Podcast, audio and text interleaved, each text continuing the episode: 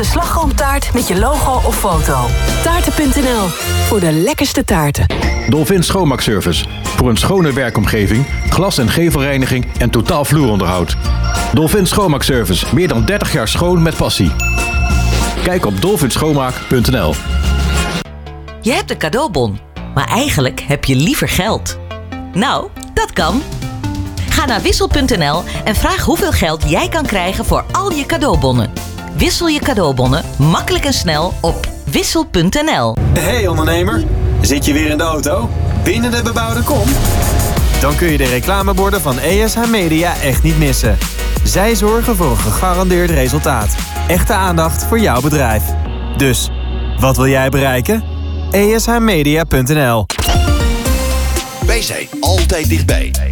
Dit is Houten FM met het nieuws van 11 uur. Door Albegens met het NOS-journaal. In Vlaardingen is voor de tweede keer deze week een pick-up truck van een loodgietersbedrijf opgeblazen. Vanochtend rond half vijf ontplofte een explosief in een woonwijk. De nacht van maandag op dinsdag gebeurde dat ook al in een andere straat in Vlaardingen met een auto van hetzelfde bedrijf. Bij de explosie van vanochtend werd de geparkeerde pick-up truck helemaal verwoest. Ook een huis in de buurt raakte beschadigd. Niemand raakte gewond. Voor de politie staat vast dat er een verband is tussen beide incidenten. Op het oorlogsmonument in Eindhoven staan 22 namen van mensen die fout waren in de Tweede Wereldoorlog. Dat schrijft het Eindhovens Dagblad na onderzoek van de Eindhovense Stichting 18 September. Het zijn namen van SS'ers, NSB'ers en mannen die in Duitse dienst waren. Ook staan 31 namen op de plaquettes die om andere redenen daar niet thuis horen. En het omgekeerde is ook het geval. Er missen volgens de stichting 144 namen van Eindhovenaren die wel op het monument zouden moeten staan. Voormalig China-correspondent Marije Vlaskamp van de Volkskrant is ernstig bedreigd en geïntimideerd. Zo werden onder haar naam bommeldingen gedaan bij de Chinese ambassade in Den Haag, schrijft ze in de krant. Via Telegram werd geëist dat ze een kritisch artikel over China offline zou halen. Wie achter de intimidatie zit is niet bekend. Vlaskamp was van 2001 tot 2019 correspondent voor de Volkskrant in China... en werkt sinds haar terugkeer als buitenlandredacteur voor die krant. Bij een aanval op toeristen in Tel Aviv is gisteravond een Italiaan om het leven gekomen. Dat gebeurde toen een auto inreed op een groep toeristen die op een boulevard liep. Enkele mensen raakten gewond. De bestuurder van de auto, een Arabische Israëliër, werd neergeschoten. Spanningen zijn opgelopen na Israëlische invallen in de Al-Aqsa-moskee... op de ook voor Joden belangrijke Tempelberg in Jeruzalem. Het weer in het midden kan het nog mistig zijn. Verder vanmiddag minder bewolking en meer zon. Blijft droog, 10 tot 15 graden. Morgen droog, vrij zonnig en 16 graden. Dit was het NOS Journaal. Dit is Erik Evengroen van de ANWB. Twee files in het midden van het land die staan op de A6 Muiden richting Lelystad. Tussen Almere Regenboogbuurt en Lelystad staat 4 kilometer file. De vertraging is 20 minuten. Dit komt door een vrachtauto met pech. De rechte rijstrook is dicht. En op de A12 Utrecht richting Arnhem. Tussen het Oosterbeek en Knoop het Grijshoort. Daar heb je 8 kilometer file. En de vertraging is 10 minuten. Tot zover de verkeersinformatie. Houten FM. Altijd dichtbij. Daar houd ik u aan. Houten, Houten FM. Goeden, goedemorgen. Ik mag gelijk beginnen. Goedemorgen luisteraars, hartelijk welkom bij een uh, aflevering van uh, Daar hou ik u aan, het politieke praatprogramma van Omroep Houten. Um, oh, dat wordt...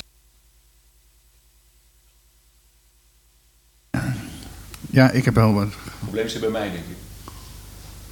Ik heb alleen maar ruis. Alleen maar ruis. Of even een andere knop alsjeblieft, want ik hoor jullie wel over de... Gaat eens door, John? 1, 2, 3, 4. Nee, nou, eigenlijk niet. Even overnieuw beginnen?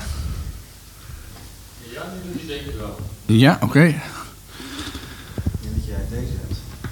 Goedemorgen luisteraars, hartelijk welkom bij een aflevering van Omroep Houten van Daar hou ik u aan.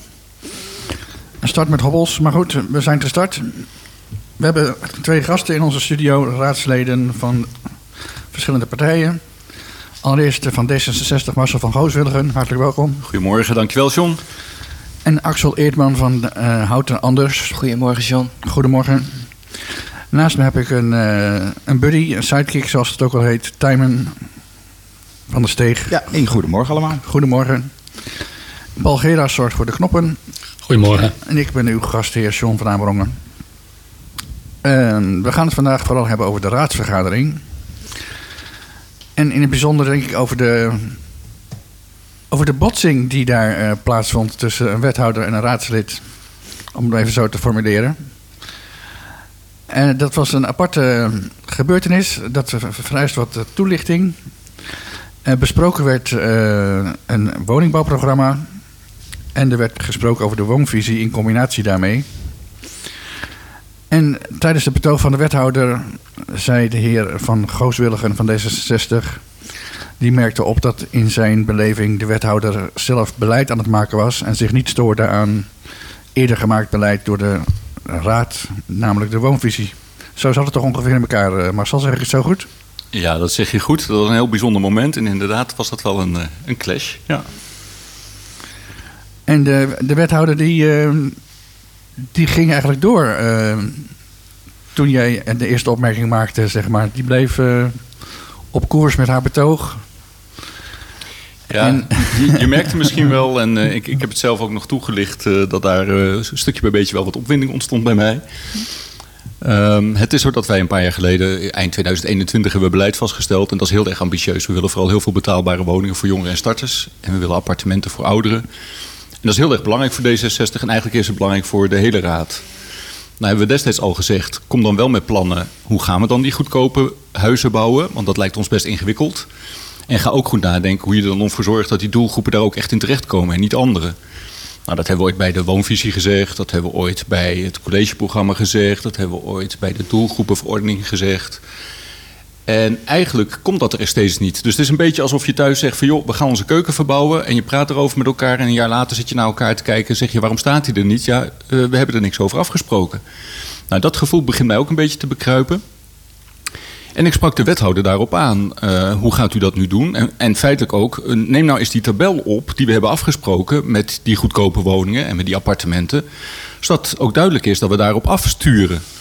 Ja, en toen begon de wethouder een beetje te draaien met, ja, het is ingewikkeld, het moet ook wel reëel zijn. En de marktontwikkelingen en eh, ja, er zijn ook andere En de- afspraken. De wethouder verwees naar de afspraak die ze met Hugo de Jong, eh, de, minister, heeft ondertekend. Waar iets van twee derde betaalbare woning eh, stond. Ja, en in plaats van een doelstelling was dat ook nog eens een maximum. Dus het was maximaal twee derde. Dat was blijkbaar nu weer goed genoeg. En in, de, in het spoorboekje waar we het over hadden stond 50% Maar we hadden ooit gewoon 80% afgesproken. Dus 8 op de 10 woningen zou betaalbaar worden. Ja, dan is 5 op de 10 is een stuk minder. En maximaal twee derde is ook weer een stuk minder. Dus de verwarring nam toe. En ja, ik denk de wethouder die kan best wel duidelijk maken dat het lastig is... en met ons daarover in gesprek willen, dat begrijp ik best. Maar dat ze feitelijk zelf haar nieuwe normen heeft bedacht en ons ook uitlegt... eh, mij ook uitlegde dat mijn herhaling uit de woonvisie... dit hebben afgesproken dat het te ingewikkeld was... en dat het veel gedetailleerd was en dat het helemaal niet kon op de manier... wat- dat Van Grootwilligen dat wilde. Ja, stukje bij beetje dacht ik... ja, als je als wethouder in je eentje nieuw beleid vaststelt... en ook nog eens de raad daarin eh, confronteert en bij herhaling... ja, ik denk dat kan niet waar zijn. Dus eh, er kwam een moment dat ik dacht, nou ja, laten we dan maar eens met de oppositiepartijen bij elkaar kruipen om te bedenken wat we nou eigenlijk gezien hebben en wat we daarvan vinden. En dat was die schorsing van 15 minuten. Ja. Wat zijn eigenlijk betaalbare woningen dan? In, die, moet ik dan aan denken? in de woonvisie hebben we appartementen van 250.000 euro bedacht. En dat is echt heel goedkoop. Dus dat is ook echt heel ingewikkeld. Ja, is dat, is dat haalbaar, vraag ik me dan af. Dat is een hele goede vraag. Dus die vraag die hebben wij al sinds december 2021 elke keer gesteld. Wij vinden die ambitie ontzettend gaaf. Want het is ook fijn als een eh, stel twee mbo'ers die gewoon hier in Houten normaal werk doen... als die een eh, appartement kunnen eh, kopen...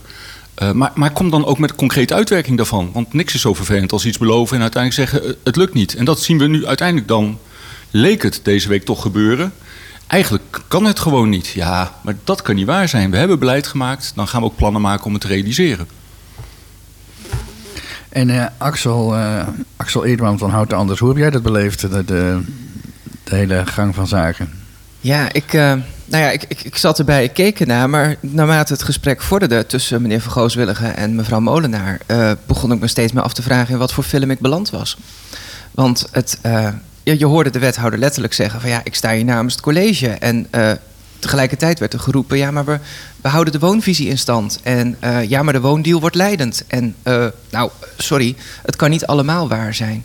En op het moment dat je daar ehm, zo overtuigd als, als wethouder voor gaat staan op die manier, ja, dan begin ik me af te vragen waar, waar, de raad nog voor is. Hè, op dat moment. Als je zelf daar vindt dat het beleid, de woondeal maar leidend moet worden, daar heeft de raad nooit mee ingestemd. Dat was een uitvoerende taak van het college om dat te mogen ondertekenen. Maar ook vooral omdat die binnen de woonvisie paste natuurlijk. Ja, precies. Ja. En als je dan eh, dat gaat zeggen, ja, dan, dan dat is bijna ondemocratisch. Maar goed, ze heeft het niet zo bedoeld, hè? Ze is erop Ze heeft het niet teruggekomen. zo bedoeld, we is dat eerlijk teruggekomen. ook, dat moet ook gezegd worden. We waren nog bij de schorsing, je verraadt het plot al. Ja, sorry. We waren nog bij de schorsing. Dan, dan, dan, dan, dan kies je zo'n moment dan kies je om een schorsing eh, aan te vragen. Dat heb jij gedaan, eh, Marcel. Zeker. En wat gebeurt er dan? Beraadslagingen met de oppositiepartijen buiten, of buiten de raadzaal. Eh, Het scherm gaat op zwart voor de mensen die thuis zitten mee te kijken. Nou ja, ik had al bewust een kwartier eh, aangevraagd. Dat is vrij veel voor een schorsing. Want meestal in vijf of tien minuten weet je wel samen wat je gaat doen. Maar in dit geval, ja, de aanloop was al... Die motie die was namens alle partijen. Dus je wil ook met elkaar overleggen, wat vinden we hier nou van? En ik moet bekennen dat we zaten er ook allemaal best wel... Ja, eigenlijk vol verbazing naar te kijken. En de vraag is dan ook, maar ja, wat vind je er dan van? En dan ga je al snel nadenken over een motie die je gaat indienen tegen de wethouder... om duidelijk te maken dat dit echt niet kan. En op het moment dat we nog volop in de afweging eh, eh, waren... wat voor een motie moet dat dan worden... Want je hebt een lichte motie, hè? Je, je vond het toch wel een beetje vervelend. Je hebt een gewone motie, dit eh, kan echt niet wethouder. En je hebt een zware motie en dan zeg je wethouder, we zijn klaar met u. We zien u wel weer, eh, maar dan in een andere rol. Nou, midden in dat gesprek daarover met, eh, met alle partijen... eh, en we waren even goed de argumenten aan het wisselen...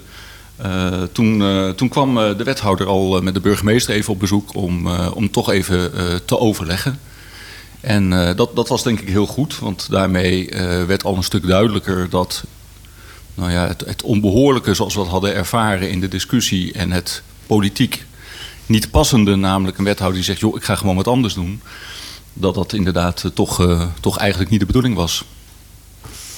Dus toen, eh, toen kwamen we terug in de raad en toen was het even kijken van oké, hoe breien we hier dan toch via een U-bocht een, een andere afronding aan? De, de burgemeester die gaf de wethouder het woord. Die zei, ik heb begrepen, meestal, de burgemeester zei... meestal geef ik het woord aan degene die de schorsing heeft aangevraagd.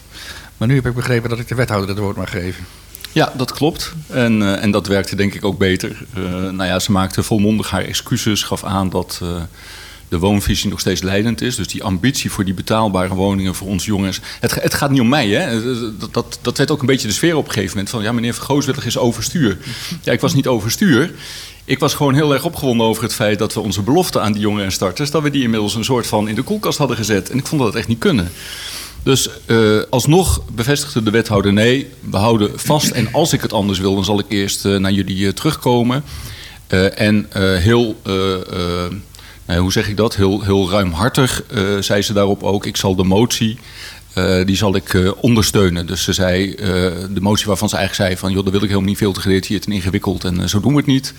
Daarvan zei ze in tweede instantie, ik begrijp het belang daarvan en ik zal die ondersteunen. Dus dat was een, eh, een heel belangrijk signaal en wij waren daar ontzettend blij mee. En eh. Axel, hoe eh, heb je dat deel ervaren? Was dat... eh, Nou, ik heb dat deel ervaren als heel constructief. Ik vond het fijn dat de, de wethouder zo ruimhartig terugkwam op haar woorden.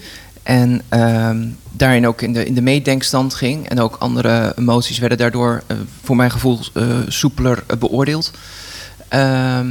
Ik, ik heb me na afloop wel nog af zitten vragen van... Goh, hoe kan het nou zo ontsporen, zo'n gesprek? en en het, het verbaasde mij heel erg dat, dat ze nergens hulp kreeg. Dat vond ik eigenlijk heel jammer. Ik gun de wethouder dan net wat meer steun... ook van andere partijen, dat ze even... hoe, eh, hoe bedoel je dat, hulp? Nou, Dus, even vriendelijk ehm, eh, eh, erop gewezen wordt van... goh, wat u nu zegt, wethouder, dat, dat, dat kan niet. Kijk, dat is de taak van meneer Van Gooswilligen natuurlijk helemaal niet. Eh, in de oppositie, eh, kijk, en hij deed het al heel vriendelijk, vond ik. Maar ehm, ja, eh, als, als, je, als je medepartijgenoten op dat moment hun vinger opsteken... en zeggen, goh, wethouder, wilt u hier nog eens even over nadenken wat u zegt... want we hebben toch echt met elkaar, we staan ook achter die woonvisie... Ehm, dan, dan ja, dan zet dat misschien iemand nog even aan het denken van... goh, wat zeg ik nou eigenlijk? Want nu zegt mijn eigen partij ongeveer hetzelfde als wat meneer Van Goos willen gezegd. En dat, eh, dan had ze misschien wat sneller gedacht... Hmm, en dan was het misschien nog niet eens met een schorsing nodig geweest. Dus dat eh, vond ik wel jammer. En John, wat ik, wat ik zo eh, verwarrend vond, dat eh, was mijn eh, ja, veronderstelling toch wel. Dat een wethouder na een jaar ongeveer wel weet hoe de verhoudingen zijn en hoe je met elkaar omgaat. En, en wat de betekenis is van bepaalde stukken beleid en, en stappen. Dus ik kon niet anders dan denken, eh, ze weet best dat dit eigenlijk helemaal niet kan. Maar toch eh graaft ze zich in, houdt ze het vol en gaat ze daarop door. Ja, dat, dan vind kijk, als het een keertje probeert, vi- vind ik grappig. En als we daar een discussie over hebben en we vinden elkaar, is het ook prima. Maar zij groef zich in op een onderwerp en een, een, een manier die gewoon niet vol te houden was. En, en dat verbaasde mij nog steeds eh, eh, het, meest. Ik, ik dacht, ja, ze, ze weet heel goed wat ze aan het doen is. Maar ja, in, in die schorsing en ook achteraf bleek dus dat het niet het geval is. Dus eh, ja, dat, dat vind ik ook nog wel eh, een, dingetje eigenlijk. We hebben het al in januari gehad over de verhoudingen tussen de raad en het college. Dat, dat was ook al een, stevig gesprek. Maar het gaat over dit soort dingen. Hè. Begrijp je van elkaar wat je positie is en, en gedraag je je daar ook naar? En blijft de, de sfeer dan beschaafd of wordt het ook echt met stoelen gegooid? Nee, de sfeer blijft beschaafd. Eh, volgens mij is wethouder Molenaar ook een, een prima eh, vrouw om een eh, kop koffie mee te drinken, een biertje mee te drinken en een leuk gesprek mee te voeren. Dus er is ook niks persoonlijks aan. Maar op inhoud, ja, daar, daar kan je elkaar ook echt wel. eh, nou ja, dan, dan- ontstaat ook gewoon die clash op de inhoud. Maar eh, even... Nee, nee, er wordt niet met stoelen gegooid. Dat, dat heb ik nog nooit meegemaakt. Nee. Maar met ehm, het college zal dan toch een crisisoverleg hebben gehad, eh, denk je dan zo? Die zullen dan toch even de koppen bij elkaar hebben gestoken wat hier gebeurd is? eh, Ja, het grappige was, wij, wij zitten dan natuurlijk bij elkaar om te overleggen. Dus je weet niet wat er, eh, Wat wat er daar elders gebeurt, gebeurt. nee. Maar ik zag een, eh, een foto in het groentje. eh, waarin duidelijk werd dat er inderdaad wel een soort van crisisoverleg eh, tussen college van burgemeester en wethouders was. Eh, en eh, nou ja, dat heeft ongetwijfeld ook wel geleid tot, eh, tot dat korte uitwisselen van gedachten in, in de achterkamertjes, noem ik het maar even. Maar volgens mij is dat toch wel ook heel verstandig om dat op die manier te doen. En als er een misverstand is of als er een conclusie is van joh, dit moeten we echt anders doen, dan is het ook fijn om dat gewoon met elkaar te delen. En ik denk ook dat in mijn reactie op de wethouder, dat daar ook al meteen in doorklonk de uitgestoken hand. En wat mij betreft, met de excuses zijn de verhoudingen tussen raad en college ook weer nou ja, op orde. Dus in dat opzicht is het ook niet een kwestie eh, van eh oud zeer eh, wat nog een jaar uh, doorettert. Het is wel een krasje. Het is, het, is wel het gevoel van, joh, hier is echt iets gebeurd. Jij denkt echt dat er iets kan, dat, dat kan echt niet. Maar volgens mij moet je daarna ook gewoon weer verder met elkaar. We zijn toch ook uiteindelijk één bestuur. Axel had het al even over hulp. Of over ja, hulp. Ik zat ook te denken aan bijval voor, voor het betoog van, van, van Marcel van Gooswilligen. Die heb ik ook niet Klopt. echt gehoord. Het bleef, het bleef stil. Er werd niet geroffeld op de tafeltjes. Of er werd niet, eh, ik denk gewoon, hier zou toch de hele raad van moeten vinden dat dit Nou, fout gaat. Roffelen op de tafeltjes, dat doen wij niet in de gemeenteraad. Tenminste, ik heb het nog nooit meegemaakt. Dus ik ga ervan uit dat dat een norm is die wij, eh, dat we dat niet doen. Oké. Ehm, maar ik neem aan dat meneer Van Gooswilgen zich wel ehm, gesteund gevoeld heeft in zijn betoog. Want we zaten voortdurend te knikken en te zuchten. En eh, Oké. ja, nee, ik denk dat hij dat gevoeld moet hebben. Maar dat moet hij zelf maar... eh, Uh, het grappige is op dat soort momenten, je zit op een gegeven moment in een flow. En als, het, uh, als je het gevoel hebt, joh, ik heb hier een punt. En volgens mij ben ik het punt ook wel goed duidelijk aan het maken. Dan, dan uh, heb je ook niet altijd behoefte aan ondersteuning, moet ik bekennen. uh, maar op de beslissende momenten, ik, ik weet nog wel dat uh, het CDA, Robert Pelleboer, nadrukkelijk nog een keer de wethouder uitlegde hoe het werkt in de raad. En dat dit echt niet kon. Uh, ik zag uh, van het begin af aan uh, Suzanne van Erp van GroenLinks al hard werken om te kijken hoe komen we hieruit en hoe lossen we dit op. Nou, daar zat ik nog helemaal niet. Dus ik probeerde haar daarin ook vooral uh, te laten doen wat zij wilde. Maar ik bleef even op mijn eigen spoor. En inderdaad, het zuchten en steunen. En we hebben ook nog wel eens een app waarin we met elkaar delen van... wat gebeurt hier? Ik heb dit echt nog nooit meegemaakt. Dit is toch echt niet normaal? Nee, ik, ik voelde me meer dan gesteund, John. Oké, okay, dus het was een spannende, een spannende raadsvergadering. Zeker. Ja, onverwacht. Ja. Ja, onverwacht, ja. Ja, ja ik had niet verwacht dat we hier op deze manier een discussie over zouden hebben gehad. Over dit, dit, gaat dan wel weer over waar wij ons als raad heel druk om maken. Hè? Maar er waren ook hele andere relevante dingen over dat onderwerp op die avond. Ehm, die, die volgens mij veel meer betekenis hebben voor in- onze inwoners. Bijvoorbeeld eh, de wethouder die bevestigde nog eens dat er op de molenzoom veel meer woningen kunnen gaan komen dan wat eerder het beeld was. Ja. Dus ooit hadden we een ruimtelijke koers, toen stonden duizend woningen gepland op eh, de molenzoom. Nou, er was heel veel weerstand, want dat was veel te veel. Nou, inmiddels eh, gaan we richting eh, 400, 500, maar de wethouder bevestigde dat daar makkelijk nog eens 500 bovenop kunnen. Eh, dat dat haar eh, overtuiging is en dat zij dat ook met Robert Derks, wat toch wel voor haar een hele zware adviseur is, ook bevestigd is. Dus voor onze inwoners veel relevanter is denk ik dat we uiteindelijk toch daar veel meer woningen kunnen gaan realiseren binnen het Houtens DNA, zoals dit college dat steeds benadrukt. Gebeurt wat- dat eigenlijk nu ook al in de molenzoom? Volgens mij is, daar- ook wel leegstand nu en, en, en geen relaties tegen de vlakte. Klopt. Eh, nou ja, er wordt vooral omgebouwd op dit moment. Dus er zijn al wat appartementen die, eh, die daar gerealiseerd worden op verschillende locaties. Luno. Op dit moment wordt ook inderdaad een, een grote, twee grote kantoorpanden zijn net eh, tegen de vlakte. Daar worden meer dan 100 appartementen gerealiseerd. Dus ja, daar, daar gebeurt al heel veel. Maar daar kan dus echt nog heel veel meer. Ja, en op de plek waar eh, tegenover dat, eh, die huisartsenpost. Dus ehm, dat is ehm, de plek waar volgens mij dat GGZ-centrum stond. Dat is ook tegen de vlakte gegaan. Waar je eh, corona-vaccinaties kon laten halen. Oh, bij de, bij de koppeling. terrein. Ja, bij de koppeling, daar klopt. zo, bij de Ja, ja, Rabobank. ja, het oude Ja. Van Dijk eh, terrein. Ja, precies. Ja. achter Van Dijk inderdaad. Daar zo. Dat is een van de grote ontwikkellocaties. En daar, nou ja, nog, nog, nog zo'n punt wat heel relevant is voor onze inwoners. Eh ChristenUnie met, eh, met steun van veel partijen natuurlijk. Die had gevraagd, joh, er vallen wat eh, locaties af. Waaronder die locatie. Eh, kunnen we toch nog niet eens een keertje onderzoeken wat er, eh, wat er wel mogelijk is. Dus in allerlei opzichten werd er, eh, werd er denk ik, eh, nou ja, kwamen er allerlei aanmoedigingen, met name vanuit de oppositie. Doe meer, kijk wat er extra kan. Eh, en, en wat ik ook mooi vond, we, hadden veel discussie, maar we waren het er wel over eens dat dat spoorboekje dat dat een goede monitoring tool is. Dus dat we echt de komende jaren gaan volgen wat er gebeurt. En in de bijlage, ik zou zeggen, elke inwoner van Houten, kijk een keertje naar die bijlage. Daar staat een heel mooi overzicht van alle locaties waar er mogelijkheden zijn om woningen te bouwen. En het is altijd leuk om te weten wat gebeurt er in mijn omgeving. Het is altijd leuk om te weten wat, wat is er allemaal mogelijk. En het is ook gewoon leuk om te weten ja, waar, het college op aanstuurt. Dus wat mij betreft een, een dikke aanrader. Oké, en de aantallen die zijn dan toch nog eh, indicatief hè, op zich. Want die, zijn, die liggen nog niet vast. Die staan er wel in, maar die zijn nog niet eh, in beton gegoten. Ja, per project zijn die nog indicatief. Maar ik merk dat ik wel heel veel aan het woord ben. Dus ik, ja, nou ik ja, daar wil ik wel wat over zeggen hoor. Want ik denk dat je hier, daar hier slaan ze wel de plank mis, denk ik, als je kijkt. Tuurlijk moet je indicaties hebben als het project nog niet helemaal eh, vast ligt. Maar je moet ergens ook een soort van kader stellen. eh, van wat wil je nou op een bepaald stukje grond bereiken. Ehm, op dit moment willen ze alles laten afhangen van de participatie. Zo is een amendement aangenomen waar onder andere allerlei onderzoeken worden aangekondigd. Van, nou, dat, dat, als dat, dat moet per project eerst en dan kijken we wel wat er mogelijk is. Eh, allereerst lijkt dat heel erg mooi natuurlijk, hè, om dat samen met inwoners per locatie te bekijken. Eh, maar dat heeft wel een risico in zich.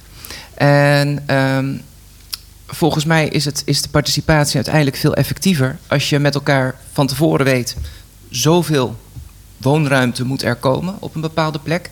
En dan hoeft het nog niet eens het aantal woningen te zijn, maar je zou het misschien ook nog kunnen uitdrukken in bijvoorbeeld kubieke meter gebouw of zoiets dergelijks. Maar in ieder geval een vastliggend kader waarbij je zegt van nou ja, dat komt er sowieso. En op welke manier, dat kun je dan met de participatie vastleggen. Maar op dit moment eh, worden, worden dingen omgedraaid, lijkt het wel. En dan loop je het risico dat je met elkaar in de wijk verzandt in discussies over wat moet hier nou komen. Eén woning, tien woningen, 25 woningen. Ehm, ja, en dan zijn er discussies in het verleden die al hebben laten zien dat dat niet werkt. En dan denk ik bijvoorbeeld aan het project Lindenoord. En dat vind ik wel een zorgelijke. Ja, dat noemt hij ook even in de, in de raadsvergadering. Eh, dus participatie aan de voorkant, waar eh, ITH eh, op inzet, zeg maar, dat, eh, dat, dat, dat baart, zorg, Ik- baart jouw zorgen. Ik vraag me echt af of je daarmee kunt bereiken wat je wil bereiken voor het algemeen belang. En ehm, ik snap het natuurlijk heel goed dat als je in je wijk een, een, een, een leeg veld hebt of een, of een schoolgebouw hebt staan en die gaat tegen de vlakte, dan wil je daar iets moois voor terug. Dat begrijp ik heel goed. Ehm, en op het moment dat daar dan eh, ehm, eh, iets, van een project wordt ontwikkeld, dan hoop je natuurlijk niet dat het eh, gelijk een, een torenflat is van, van 14 hoog als er altijd iets van laagbouw heeft gestaan. Dat begrijp ik ook. Ik Ehm, ik, sorry, ik blijf even hangen bij, ja. dat, bij, bij dat woord participatie aan, aan de voorkant. Wat wordt daar dan mee precies bedoeld? Is dat dat burgers mogen meedenken over hoe dat deel eruit gaat zien, hoe dat ingericht kan worden? Eh, ja, eh, voor zover ik het begrijp. Want nogmaals, het is niet mijn eh, kijk op hoe je participatie in zou moeten richten. Ehm, wat, wat ik begrijp nu is dat ze dan eerst met elkaar willen gaan discussiëren met de wijk, wil- in gesprek willen over nou, wat zou je dan kunnen komen, hoeveel woningen, ehm, hoe hoog enzovoort. En daarmee krijg je het gesprek met de mensen die er tegenaan moeten kijken, maar je hebt niet het gesprek met de mensen die er gaan wonen. Eh, dus je, je mist een hele belangrijke groep mensen voor wie je het eigenlijk doet in die dialoog. En volgens mij hebben wij als raad een bepaalde eh, taak om eh, juist voor die groep ook eerst te bepalen van nou, dit moet er komen. En daarna met de omwonenden uit te gaan zoeken op welke manier dat het beste kan. En natuurlijk moeten dat niet onrealistische getallen zijn. Ehm, daar heb je stedenbouwkundigen voor die een inschatting kunnen maken. En dat deel kan natuurlijk tot een hele kleine, zekere hoogte indicatief zijn. Tot het moment dat er iemand zegt van nou, dit is wel ongeveer reëel voor zo'n stukje grond. En dan moet je dat als raad volgens mij eerst vaststellen. En dan ga je naar de inwoners toe en zeg je nou oké, als we dit gaan doen, hoe moet het er dan uitzien volgens jullie? Want ik ben wel echt Dat zou ik heel tof Tot welk inwoneraantal wil de gemeente Houten eigenlijk gaan groeien dan? Als je 4750 woningen toevoegt aan de, eh, vijf, eh, aan de 20.000 die je nu hebt, dan komen er ongeveer een kwart van de inwoners bij. Zo. Ja, Dus dat, dat, dat is een kleine overschatting. Want de inschatting is dat de bewoning van de huidige woningen dat die flink af. terugzakt. Ja. Dus je zou denken dat het ongeveer, eh, nou ja, wat is het, 25% woningen erbij, dat er eh, meer dan 10.000 eh, inwoners bij komen. Maar dat soort aantallen redden we helemaal niet. Zitten minder mensen per woning? Omdat er in woningen steeds minder mensen wonen. Ja. ja. Ja, dat klopt. Dus ik geloof dat er eh, een paar duizend eh, inwoners dan per saldo bij komen. Wat ik wel grappig vind, part- participatie is best ingewikkeld. Hè? Want eh, je doet het of te vroeg en er is nog te weinig bekend en je weet niet waarover je participeert. Of je doet het te laat en het ligt eigenlijk al vast. Ik vind het wel fijn dat er wat collectieven zijn die de afgelopen jaren zijn opgestaan en die graag meedenken. Binnen Dorp Molenzoom is zo'n zo'n initiatief. We hadden natuurlijk ook het initiatief voor, voor Houten Oost. Ik, ik, ik- na afloop van de vergadering vroeg ik me eigenlijk wel af... de wethouder zegt nu wel, er kunnen er makkelijk 500 bij... Ehm, en eh Dirk zegt dat ook. Maar ik ho- hoorde haar eigenlijk niet zeggen dat daar ook al afstemming over was geweest met die, met die groep waar ze zo actief mee aan de slag ging. Dus eigenlijk besefte ik achteraf pas: hey, is dit nou ook nieuw en ook voor hen nieuw? Of is dit ook al een beeld wat met hen gedeeld is en waar al een soort van consensus over is van hé, hey, we gaan toch een andere richting op, maar dat is prima. Dus ik had me voorgenomen om eh, dit paasweekend, soms heb je dan wel eens tien minu- minuten dat je je verveelt, om toch eens die groep te benaderen en te vragen, joh, zijn jullie daar nou in meegenomen en, en is dit een herkenbaar beeld voor jullie? Of zijn jullie net zo verrast als wij? Oké, waarvan akte. En we gaan eerst naar een stukje muziek luisteren en dan praten we zo verder.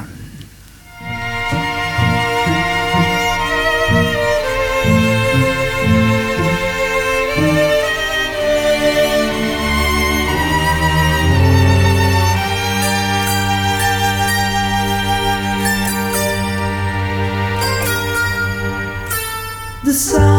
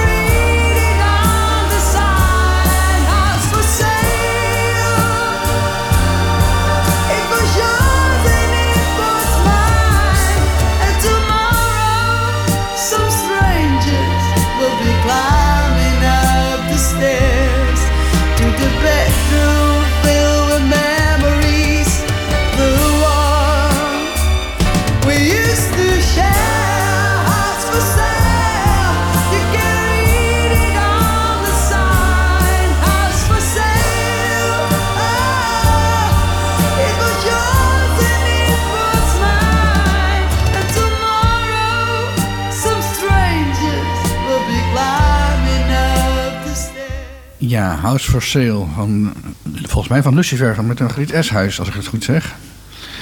Er is, En wel weer dat over, was, er is wel weer over nagedacht vanmorgen, hè John? daar is over nagedacht, dat weet ik zeker. Daar heeft Paul over nagedacht. House for Sale, na een gesprek over woningbouw. Helemaal goed.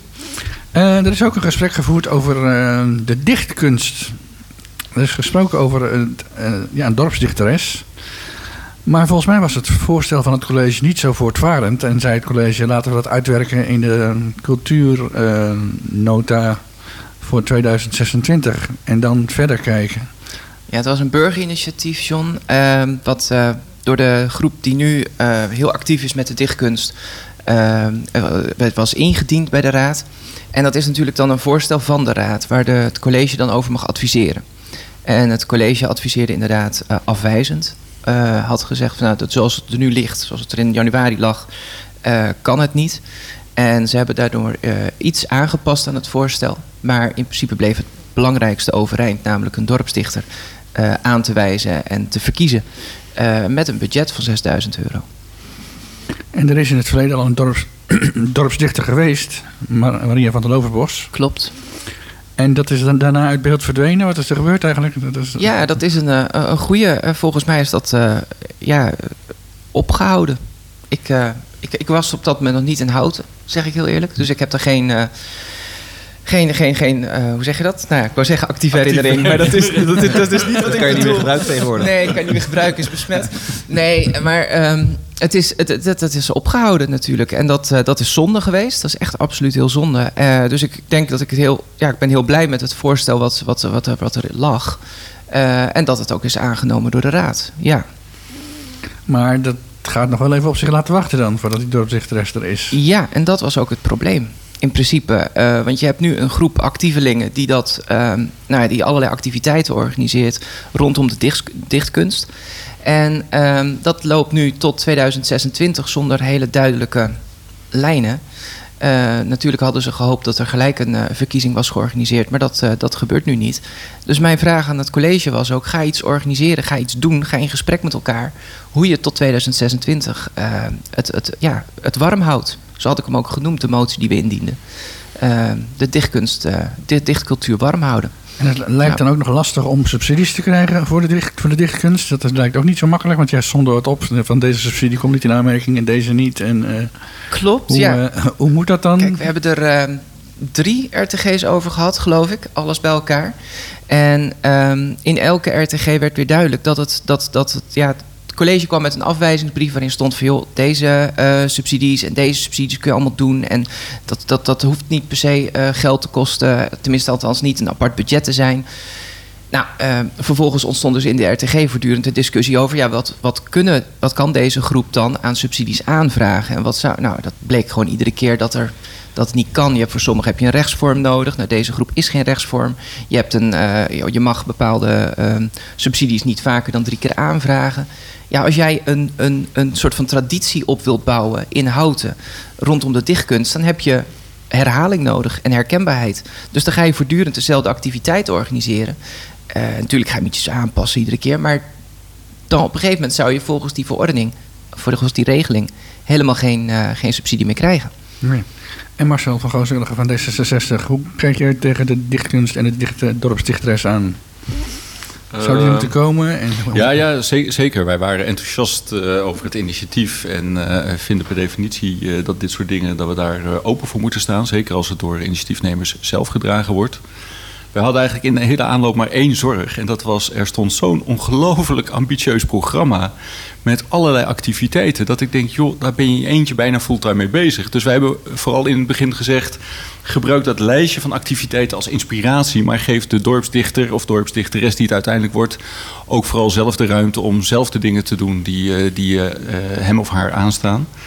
Ehm besef wel, het is niet eh, iemand die eh, zes keer per jaar op een uh, even een uurtje gaat zitten en een gedicht schrijft. Het waren allerlei activiteiten met scholen, met leerlingen, activiteiten rondom jubilea, op het gemeentehuis. Het was echt een heel vol programma. En ik merkte dat ik een beetje uit mijn slof schoot. En, en misschien had ik Bibi nog wel even mijn excuses aan mogen bieden na afloop. Toen het ging over de VVD, die zei die 6000 euro is ook veel te veel. Het kan ook wel voor 250 euro. Maar Dat, Ja, heeft, dat al- heeft het wel gehaald, die, eh, die 250 euro. Nee, die 250 Nee. euro heeft het niet gehaald, maar die 6000 euro is eruit gehaald. 6000 euro is eruit Maar ja, als wij als raadslid een vergoeding krijgen van, nou ja, ik denk iets van 30 euro per uur of zo, dan staat die 250 euro, die stond voor één dag werk. Ja, als ik al die activiteiten zie waar iemand zo'n beetje zijn hele agenda het hele jaar mee kan vullen, dan is dat natuurlijk ja, niet een bedrag waar je aan moet denken. Maar ik ga ervan uit dat als we daar nog eens een keertje over hebben, dat we daar wel eh, uit gaan komen. Ja, het amendement dat is aangenomen, dat heeft natuurlijk ook vooral verzocht om het uit te werken ehm, in het meerjarenbeleidsplan, wat dan in 2026 komt. En daar dan ook een, een, een vergoeding bij te passen, zeg maar. Ehm, waarbij het voor de VVD dan 250 euro genoeg was. Maar bijvoorbeeld natuurlijk Houten, die het mede had ondertekend, die zei van ja, nee, zo staan we er niet in. Daar mag best wel een vergoeding tegenover staan die past. Eh, en dat hoeft geen 250 euro te zijn. Nee. Dus dan eh, is het hoogst haalbare is gehaald. Het uitwerken in het eh, cultuurplan voor 2026. En dan hoop je dat er rond 2026 een dorpsdichteres komt. Of dorpsdichter. Of ja, dorpsdichter, ik, ja, de, dorpsdichtende eh, is misschien nog beter. Dat houdt nog open of het een man of een vrouw wordt. Ehm, ja, dat, dat is wat je dan hoopt. Maar dan moet je natuurlijk wel zorgen dat we allemaal eh, blijven ja, in contact komen met, met, met, met dichtkunst. En dan heb je deze initiatiefgroep heb je gewoon nodig. Maar mijn hoop is eigenlijk dat in de tussenliggende tijd lezen vanaf morgen dat er toch nog wel overleg is tussen het college en, en de groep die dit eh, initiatief heeft genomen om te kijken hoe ze dat eh, in de komende twee jaar toch al wel kunnen invullen. Het, het gaat om relatief kleine bedragen, zeker in relatie tot wat er allemaal voor gebeurt. Als je daar een ambtenaar voor vrij zou maken, dan zou je misschien wel het honderd, honderdvoudige eh, kwijt zijn. Dus laten we daar ook een beetje reëel in zijn. Laten we blij zijn met het initiatief. Zeker. Ja, wat het, mijn gevoel het overheerst is toch wel van... dit is toch een bedrag van niks waar het over gaat nu. Klopt. 6000 op de hele begroting die de gemeente Houten heeft. Klopt. Ik begrijp het punt niet zo eigenlijk. We hebben vorige week, eh, of deze week, hebben we ook een eh, goedkeuring gegeven aan allerlei aanpassingen in de begroting, omdat de inflatie zo hoog is. Onder andere voor energiekosten, maar ook voor eh, WMO bijvoorbeeld. En dat, dat, dat ging bij om, alles bij elkaar ongeveer om 2 miljoen. Ja. Dus ja, het gaat om relatief eh, klein, eh, kleine bedragen. Tegelijkertijd willen we elke euro zorgvuldig uitgeven. Dus er was ook een voorstel om bijvoorbeeld de vernieuwing van, eh, van het meubilair in de raadzaal aan te passen, wat ongeveer 6000 euro per jaar kost. En daar was ook een voorstel vanuit de raad om daar heel zorgvuldig mee om te gaan. Ja. Dus nou ja, iedereen mag wel weten dat we proberen in ieder geval zorgvuldig met ons geld om te gaan. Maar 6000 euro voor een initiatief wat zoveel oplevert, ja. daar ben ik het met je eens. Dat is een hele goede deal.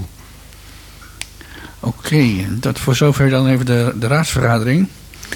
We willen nog een paar losse onderwerpen bespreken die zo eh, ter tafel kwamen tijdens de, de break, zullen we even zeggen. John, nog even om jou te ontregelen. Ik denk dat de laatste raadsvergadering zo interessant was dat ik iedereen aanraad om gewoon af en toe eens ook te kijken. Want je weet nooit wat er gebeurt. Ja, dat. Nou, dat moet, dat moet ik zeggen, dat heb ik extra ervaren. Want ik was eh, deze keer niet live in de raadzaal aanwezig. Dus ik heb hem teruggekeken. En ik had al een heads-up gehad dat er iets heel spannends was gebeurd. En ik denk, wat dan? Want dat kon ik niet de dag en dat te kijken. Wat zou er dan zo anders gebeurd zijn? nou, daar ben ik achter gekomen, inderdaad. Het was spannend. Ja. Meestal, eh, meestal volg ik hem digitaal eh, vanuit huis in de voorbereiding van het, van het programma. En moeten we de luisteraar misschien nog even vertellen dat ze dat allemaal kunnen terugvinden op eh, www.houten.nl of gemeentehouten.nl? Ja, op houten.nl en dan eh, richting, klik- doorklikken richting gemeenteraad en dan richting agenda. En dan kun je de video eh, vinden bij de datum van de vergadering. Die, eh, en dat was in dit geval 4 april, zeg ik dat goed? Eh, uit mijn hoofd heb je gelijk, ja. En, en we hebben in coronatijd geleerd dat het hartstikke goed werkt. En inmiddels ook, ik geloof dat er makkelijk 400, 500 inwoners live meekijken of na afloop nog even kijken. Dus dat zijn echt wel grote aantallen. Wat dat betreft is het ook een eh, fantastische service. En ehm, het was nog niet, niet, eh, niet te ingewikkeld, denk ik, de, de, de, de clash aan zich. Want ik had, zat ik nog even af te vragen of het niet te politiek politiek was.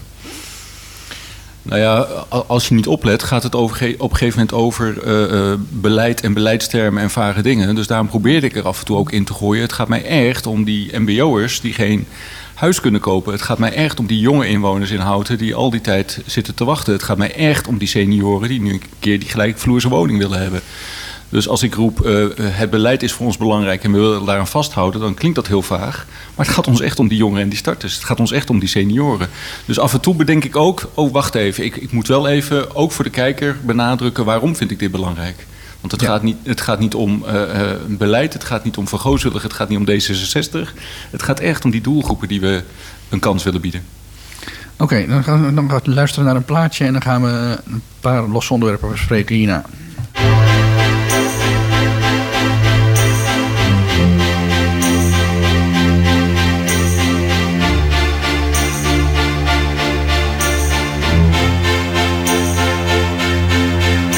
Don't ask me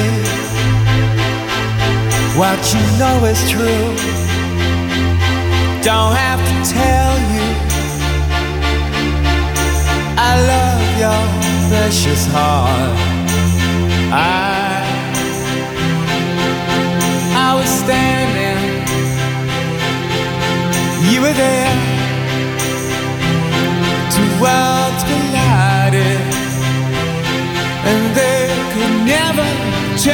Apart.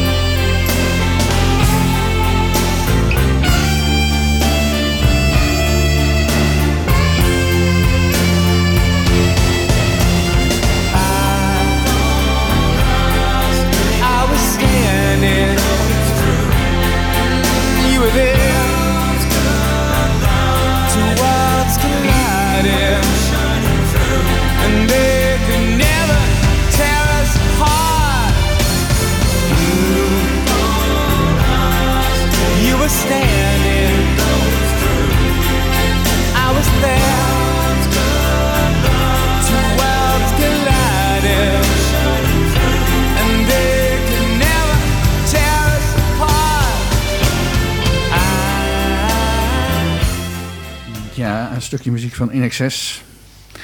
Ehm, we zouden wat losse onderwerpen gaan bespreken, zei ik. En welk onderwerp zullen we nou beginnen? We beginnen even met de Essenkade, denk ik. Daar is vrij recent van bekend geworden dat het allemaal niet, dat het allemaal niet doorgaat. En er zijn meer publicaties over. En ehm, hoe nu verder eigenlijk is wel een van de, van de vragen. En, en hoe kijkt men terug op de ontwikkeling van de Essenkade... die uiteindelijk dus helemaal niet geslaagd is? Ik zou bij Marcel van Gooswilligen eerst het woord willen geven. Ja, ik denk dat we soms ook een beetje glas half vol variant mogen kiezen. Hè? Het was een, een mooi concept, het is goed uitgedacht, het heeft heel lang geduurd en uiteindelijk is het geklapt. Uh, maar het is wel duidelijk dat zeker de gemeente meer en meer energie erin gestoken heeft. Op een gegeven moment ook echt de regie genomen heeft en ook echt financieel er heel veel aan wilde doen. Dus ik ben er wel van overtuigd dat ons college daar uh, een serieus plan, uh, ook een serieuze kans heeft gegeven. Dat vind ik goed nieuws. Het slechte nieuws is dat we uiteindelijk weer met lege handen staan. Dat in de crisis die we in Nederland hebben, dat wij als houten daar tot op heden eigenlijk, uh, nou ja, als je de beelden uit de Apel nog weet, uh, dat wij daar geen bijdrage aan leveren. En uh, we vinden het concept zo mooi dat we het op een andere plek willen gaan proberen. En daar is nog even radiostilte over. Ons als ja, fractieleiders is ook gevraagd om daar ook niet op vooruit te lopen en ook niet op te gaan speculeren. Maar het is duidelijk dat, dat het concept op een andere plek geprobeerd gaat worden. En nou ja, gisteren verscheen al in het Algemeen Dagblad een berichtje waarin Marian Ane van Natuurlijk Houten Sjane Lobrecht van eh, GroenLinks en ook ik eh, nog eens benadrukte dat als we weer zo'n traject ingaan en dat duurt een jaar of anderhalf jaar, dat we niet mogen weglopen voor de opgaven die we in Nederland hebben en dat we dus dan in de tussentijd ook echt iets moeten gaan doen. En ik hoop dat eh, zoveel mogelijk andere partijen ook dat signaal afgeven. Zodat het college helder is dat we dat gaan doen. Want ik vind het mooi zoals we met de Oekraïners nu al vier locaties hebben. Dus op vier plekken hebben we daar al eh, hulp geboden.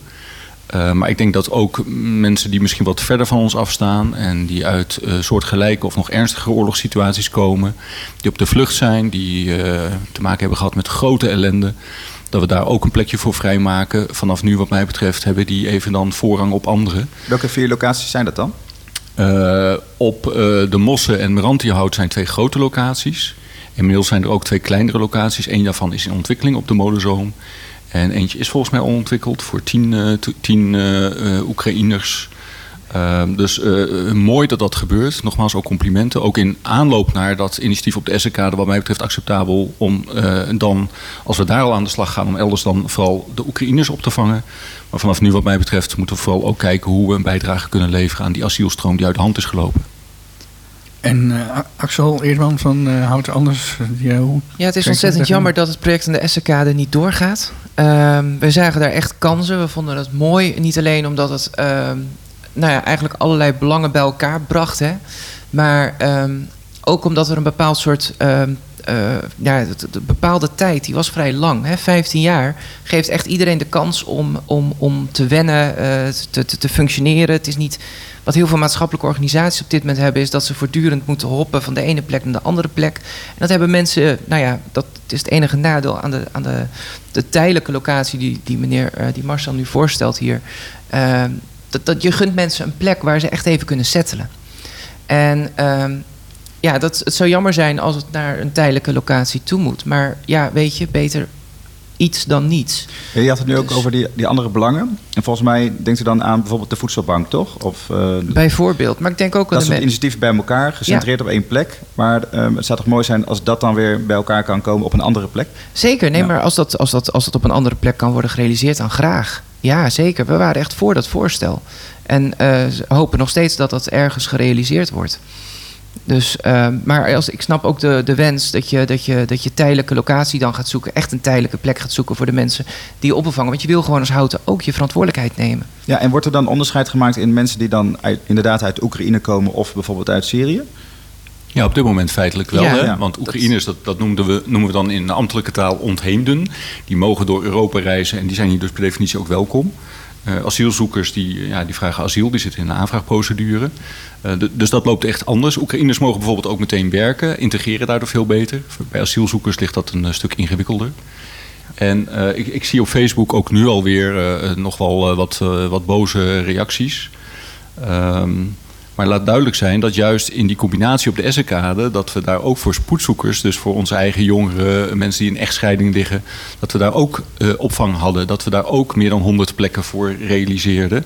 Dus dat was juist het mooie aan dit concept. Dat het een, een win-win-win is. En ja. dat we uh, op allerlei soorten en vlakken werken aan verbinding, aan samen... maar ook iedereen in het oog hadden. Dus dat is heel mooi. Dat zal denk ik op zo'n tijdelijke locatie zeker niet lukken. Maar uiteindelijk dat we daar weer voor gaan, lijkt me fantastisch. Overigens heb ik begrepen dat ook echt wel uh, Viveste tegenwoordig wonen in ook uh, een maximale inspanning deed om, uh, om eraan mee te doen. En het COA en de provincie en het Rijk, overal is er goed meegedacht. Dus die coalitie smeden, dat is goed gelukt. En wat mij betreft ook complimenten voor het college daarvoor. Zeker, nou, ik hoop ook dat, dat, dat, dat het, het, het voorwerk zeg maar, al gedaan is voor een nieuwe locatie. Op die manier. Dus dat je de coalitie al compleet hebt, maar dan nog een andere plek nodig. Is, is er wettelijk vastgesteld hoeveel um, immigranten je moet opvangen in de gemeente? Of, of, of dat, dat, wettelijk uh... is vastgesteld, weet ik niet. Er zijn wel richtlijnen voor, geloof ik, toch? Van iets van 100? Nee, Van de Burg is daarmee bezig. Uh, er, er ja. komt die uh, noodwet aan die, die dat wel verplicht. Ik, ik, maak altijd maar even het rekensommetje. We hebben in Houten 50.000 inwoners. In Nederland werken er 18 miljoen. Hoeveel zouden wij dan moeten bijdragen? En dan zijn het in ieder geval iets meer dan die 100 of die 150 die wij van plan waren. Uh, het, het, zijn er veel, maar ik denk dat met die 100 uh, dat, dat we juist een mooi concept hebben. En wat ik zo gaaf vind, en, en onze burgemeester Gilbert Isabelle laat het ook niet na om dat te benadrukken. In Houten hebben we ons pootstijf gehouden dat dat een omvang is die we goed en verantwoord kunnen. En eigenlijk is het COA inmiddels ook door de bocht dat in veel meer, eh, op veel meer plekken, want oorspronkelijk was het altijd minimaal 500. Maar dat ze nu op veel meer plekken gemeenten verleiden om op dit soort schaal eh, met dit soort initiatieven bezig te zijn. Dus wat dat betreft hebben we een trend gezet. Het zou alleen jammer zijn als een andere gemeente als eerste het weet te realiseren. Ja. Dan had uh, Tijmen nog een onderwerp. Ja, ik was eh, wel nieuwsgierig. eh, ik ben eigenlijk nieuwsgierig naar die aanvliegroutes over Houten heen. Is daar al meer over bekend? Ik kijk jullie beiden aan. Ik weet niet wie daar een beter antwoord op heeft. Ehm, ik weet dat er een motie is aangenomen. Zal ik hem eh, pakken, Ja, Axel?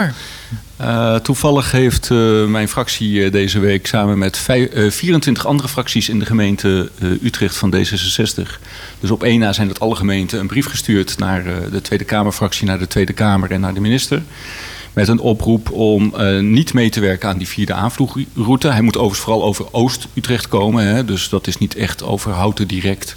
Maar goed, het is wel iets wat de provincie Utrecht raakt. Ehm, we hebben een hele stevige discussie in de fractie erover gevoerd. Want het voelt aan de ene kant een beetje NIMBY, hè, not in my backyard.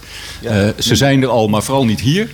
Ehm, en aan de andere kant eh, voelt het ook aan eh, als eh, ja, die krimp van Schiphol, die zien we steeds maar niet gebeuren. En voor je het weet is er weer extra ruimte voor eh, een meer vliegverkeer door dit open te stellen.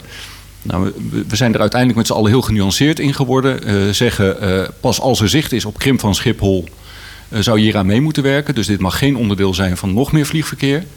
Eh, en als blijkt dat het veel, eh, nou ja, noem het maar, kerosine en geluidsoverlast en andere overlast scheelt. En de rekenmodellen zeggen dat het 5 tot 10 procent verschil oplevert voor heel Nederland. Omdat die vliegtuigen nu vaak moeten omvliegen. dan zou je misschien toch wel eh, je aandeel daarin moeten nemen. En dan zou je ermee eh, in kunnen stemmen. Maar in die volgorde. En vooral ook moeten die eh, vliegtuigen dan niet te laag komen. Want dan neemt eh, de overlast flink toe. Maar ik begrijp dat de aanvliegroutes die er nu gepland staan... over Oost, provincie Utrecht, eh, zouden komen te... Ja, zoals ik het heb gezien, de, de tekeningen, dan moet je vooral denken richting eh, de Veluwe en het oosten van de provincie. Dus dat is nog behoorlijk ver weg. Ja, dan, Ook heb je, in- dan is er hier geen sprake van geluidsoverlast. Nee, dan zou het knap zijn als wij daar geluidsoverlast van hebben. Tegelijkertijd vinden wij het wel belangrijk, zeker vanuit dat vliegverkeer wat, eh, wat ons eh, zorgen baart, dat dit niet een route moet zijn om meer vliegverkeer toe te staan. Dus het moet passen in een krimpstrategie. En het moet ervoor zorgen dat eh, eh, de inwoners op een eh, fatsoenlijke manier eh, meegenomen worden en dat de overlast ook zoveel mogelijk beperkt blijft.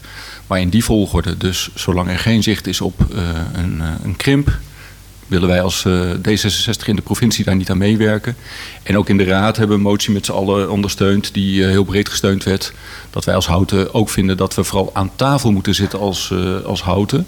En dat we ook onze invloed als Houten moeten uitoefenen. Dus het college is daarin opgeroepen om vooral ook in het geweer te komen. Oké, dat over de, de aanvliegroutes naar, of nieuwe aanvliegroute naar Schiphol. Als Ik ga, straks eens, ik ga straks eens even mijn app bekijken om eh, van mijn fractiewoordvoerder te horen of ik het goed gezegd heb. Ik ben altijd benieuwd.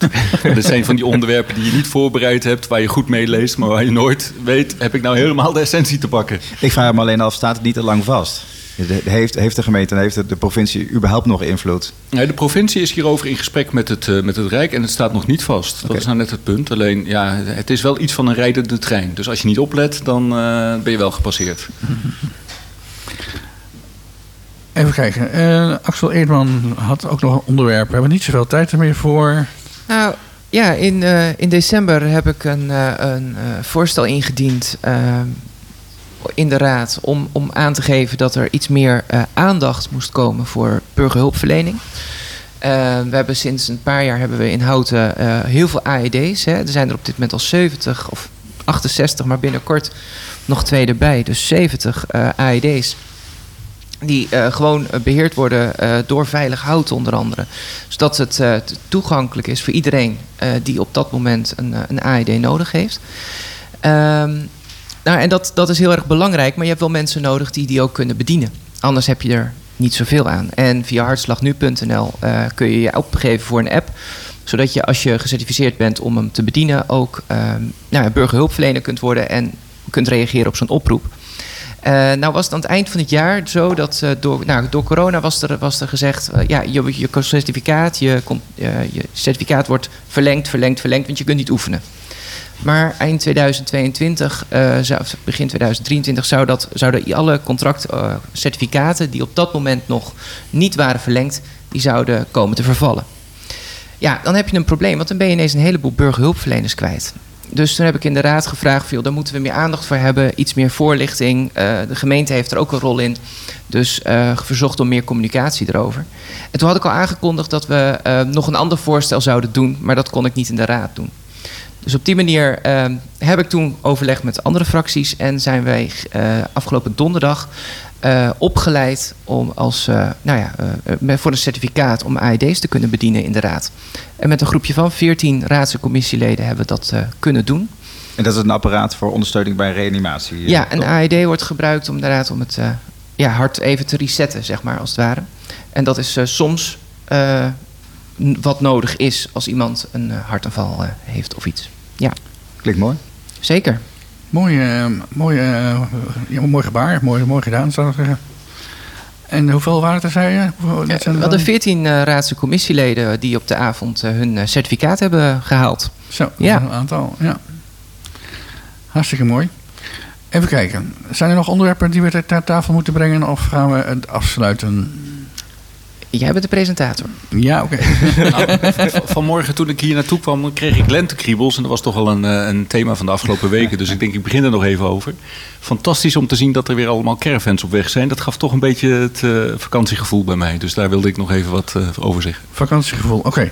Beneden zijn de mensen van het Repaircafé druk bezig in Schoneveld. Dus als er mensen zijn die, dat, eh, die daar nog eh, kapotte apparaten hebben... die ze willen aan laten kijken of eventueel laten repareren... hartelijk welkom in Schoneveld.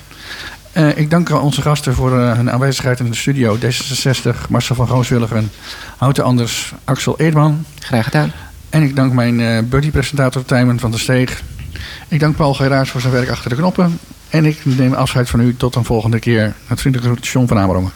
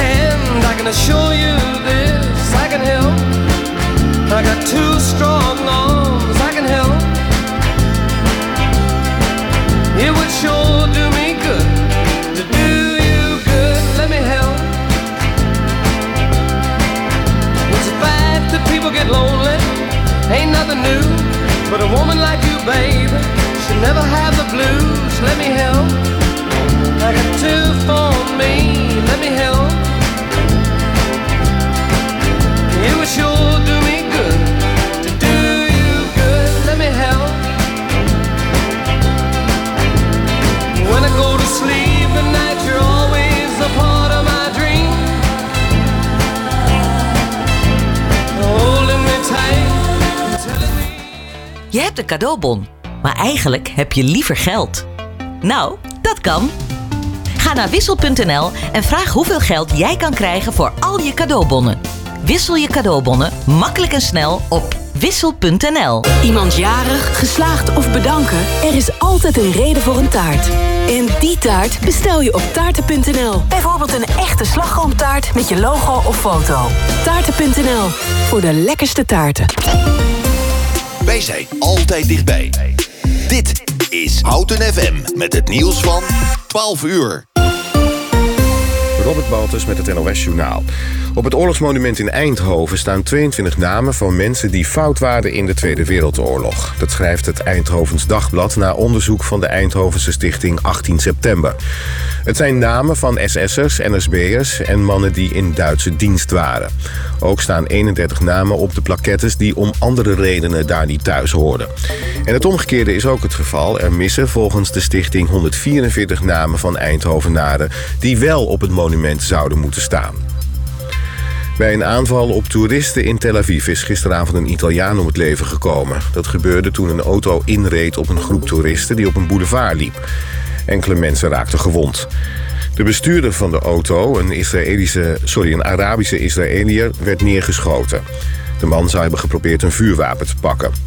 De krant Haaretz sprak een politiebron die zei dat alleen een speelgoedwapen is gevonden. De spanningen zijn opgelopen na Israëlische invallen in de Al-Aqsa-moskee...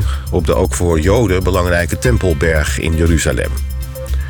Voormalig China-correspondent Marije Vlaskamp van de Volkskrant... is ernstig bedreigd en geïntimideerd. Zo werden onder haar naam bommeldingen gedaan bij de Chinese ambassade in Den Haag, schrijft ze in de krant. Via Telegram werd geëist dat ze een kritisch verhaal over China offline zou houden. Het weer. In het midden kan het nog mistig zijn. Verder vanmiddag minder bewolking en meer zon. Het blijft droog. Het wordt 10 tot 15 graden. Morgen droog, vrij zonnig en 16 graden. Dit is Erik Evengroen van de ANWB. Een file in het midden van het land op de A1 Amsterdam richting Apeldoorn. Tussen knoop het Hoeverlaken en Barneveld rijdt het langzaam over 8 kilometer. De vertraging is 10 minuten.